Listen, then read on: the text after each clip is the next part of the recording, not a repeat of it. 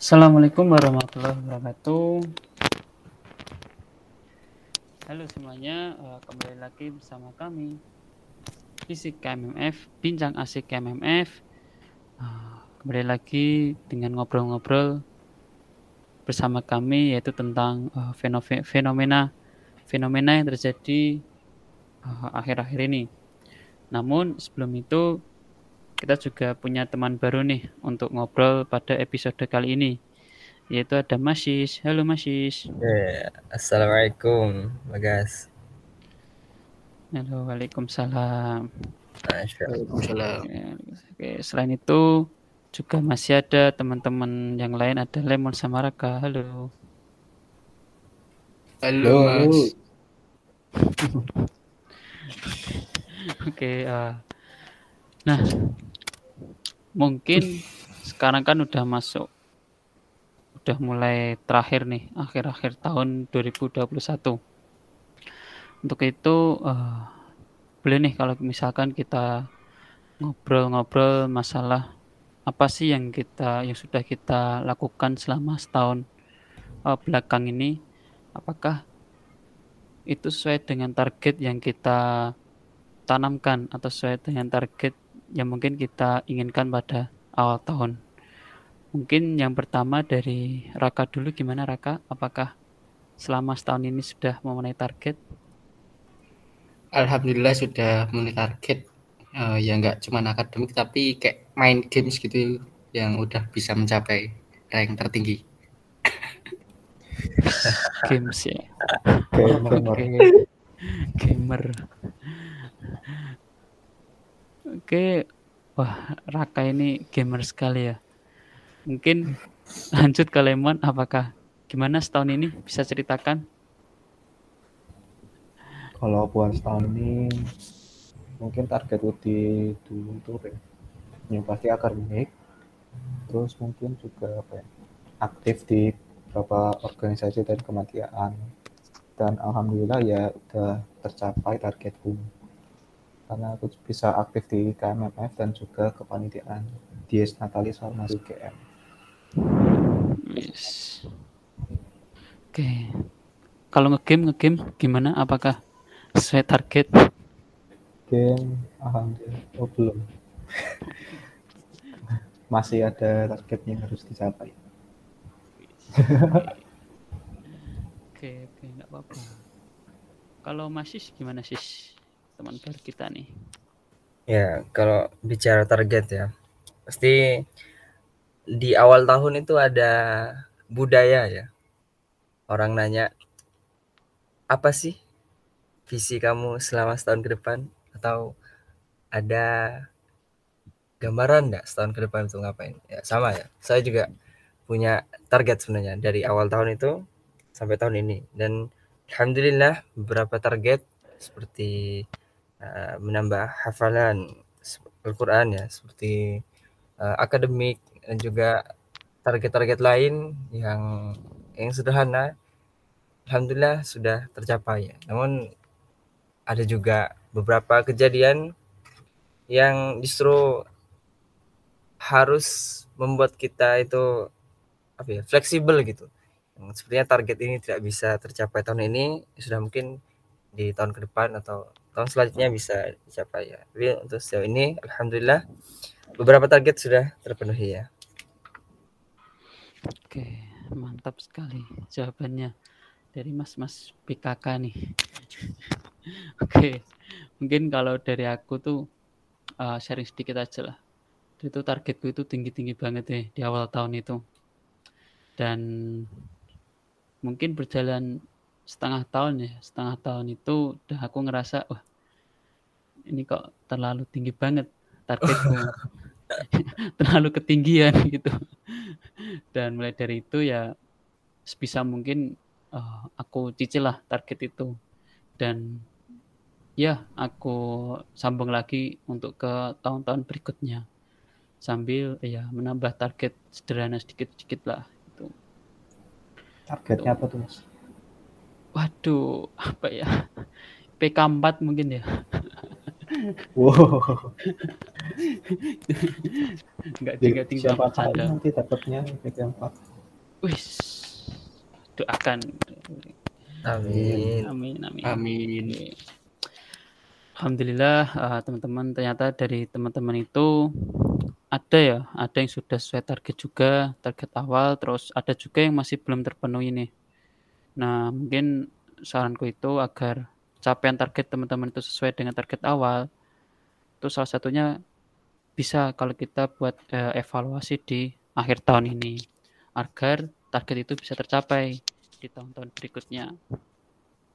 Ya, itu setuju ya. Dalam Islam mungkin kita taunya sebagai muhasabah diri. Masya Allah. Kita tahu ya, kita itu tidak lepas dari salah, dari dosa.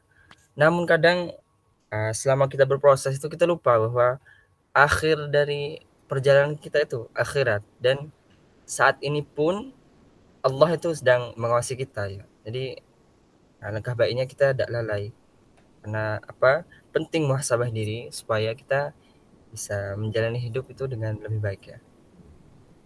Iya tuh. Setuju sekali aku sama Mas Masis itu. Tetapi juga perlu ditekankan kalau kita itu harus mengevaluasi diri sendiri dulu ya sebelum mengevaluasi orang lain. Namun ya kalau kita mengevaluasi orang lain juga harus dilakukan dengan hati-hati. Jangan sampai kita menggosipkan atau membicarakan aib-aib dari orang tersebut. Apalagi sampai menimbulkan an- fitnah di antara kita. Nah, itu kita harus memberikan evaluasi dengan cara mengkritik orang tersebut dengan benar tanpa memberitahukannya ke orang lain terlebih dahulu seperti itu. Mantap betul nih. Hmm, mungkin yang perlu aku tanyakan, bagaimana sih cara muhasabah diri itu?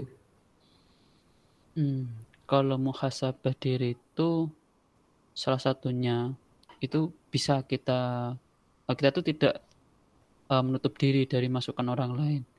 Artinya kita itu bukan kayak eh, orang yang tertutup lah. Kita itu kan terkadang eh, pasti kan pasti melakukan kesalahan yang mungkin eh, kita tidak sadari. Jadi kalau kita bersama mungkin teman-teman yang soleh, teman-teman muslim itu kita bisa saling mengingatkan agar senantiasa bermuhasabah dan eh, mengevaluasi diri. Kalau dari aku sendiri mungkin salah satu contoh yang bisa dilakukan itu pas malam hari gitu sebelum istirahat.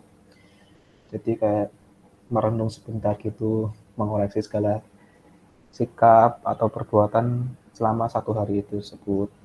Memang hal itu dimaksudkan supaya kesalahan-kesalahan yang dilakukan dalam satu hari tersebut itu tidak terulang di kemudian hari dan semakin hari itu berubah menjadi pribadi yang lebih baik lagi.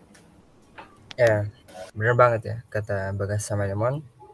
Nah teman-teman tahu nggak sih kalau salah satu rezeki yang Allah kasih kepada seorang Muslim, lagi khususnya kepada mukmin ya, itu adalah dikelilingi oleh orang-orang yang saleh.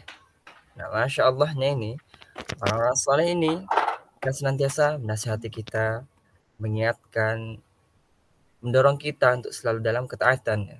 Nah, karena itu ya alangkah baiknya ketika budaya saling mengingatkan dan menasihati ini tertanam dalam kaum muslimin supaya apa? Ya kita menjadi cerminan gitu bahwa gini loh muslim yang baik, saling menasihati dan saling mengarahkan kepada ketaatan.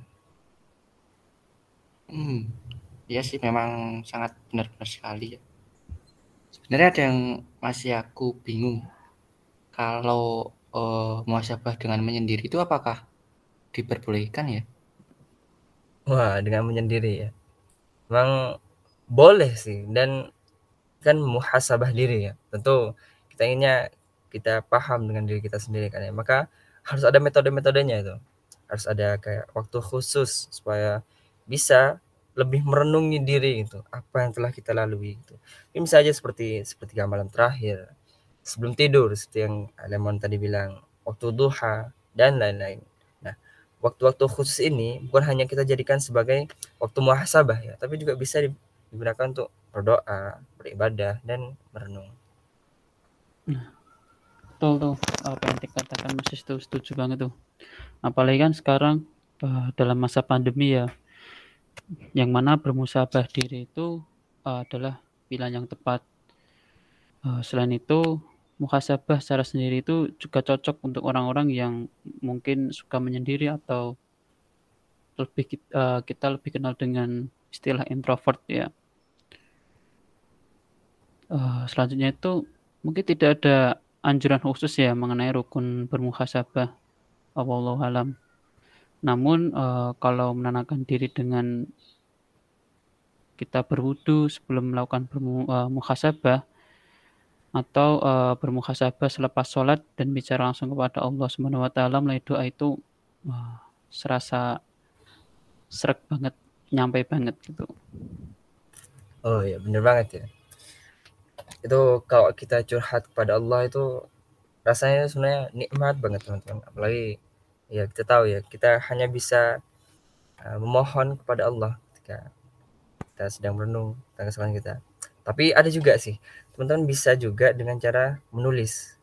Bisa kayak mengevaluasi dalam buku catatan. Kita bisa menulis kelebihan dan kekurangan diri saat ini. Kemudian evaluasi gimana kita beribadah selama ini. Kita evaluasi niat kita dan ya sebagainya ya. Adapun contoh yang bisa dipakai itu bisa dengan pertanyaan yang bisa dijawab di buku catatan. Untuk muhasabah diri seperti kayak sudah baikkah niat saya untuk melakukan itu. Nah sangat mengukur ya teman-teman atau sudah baikkah usaha saya untuk mencapai hal itu? Masya Allah. Kemudian juga supaya sudahkah saya menyerahkan menyatakan Allah pada setiap tindakan? Ini penting teman-teman pertanyaan-pertanyaan ini mungkin sederhana cuma ini bisa selalu mengingatkan kita ya sebagai uh, muhasabah diri kita.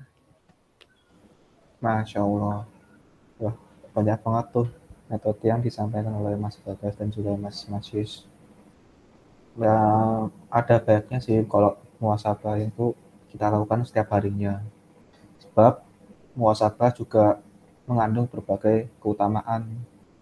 Nah, muasabah itu kan dapat diidentifikasi sebagai salah satu alternatif upaya untuk mengembangkan nilai-nilai akhlak diri kita menjadi lebih baik. Nah, hal ini tuh akan berkaitan juga dengan adanya kemungkinan bagi pengembangan diri dan juga pengembangan moral bagi kita. ya, setuju. Memang banyak banget ya keutamanya. Ini juga sering uh, seiring dengan perkataannya Imam Al-Ghazali yang mengatakan bahwa muhasabah itu dan taubat itu saling berkaitan ya. Keduanya tidak dapat dipisahkan karena taubat adalah peninjauan atau koreksi terhadap perbuatan atau sikap diri sendiri yang dilakukan dengan rasa penyesalan ya teman-teman. Masya Allah. Hmm.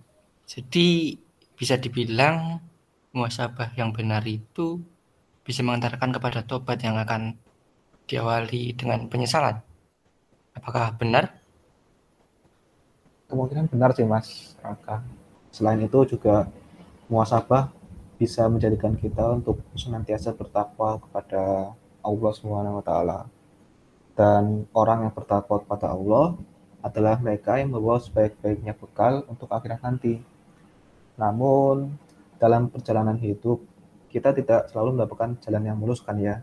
Selalu ada aja rintangan dan juga masalah yang dilakukan.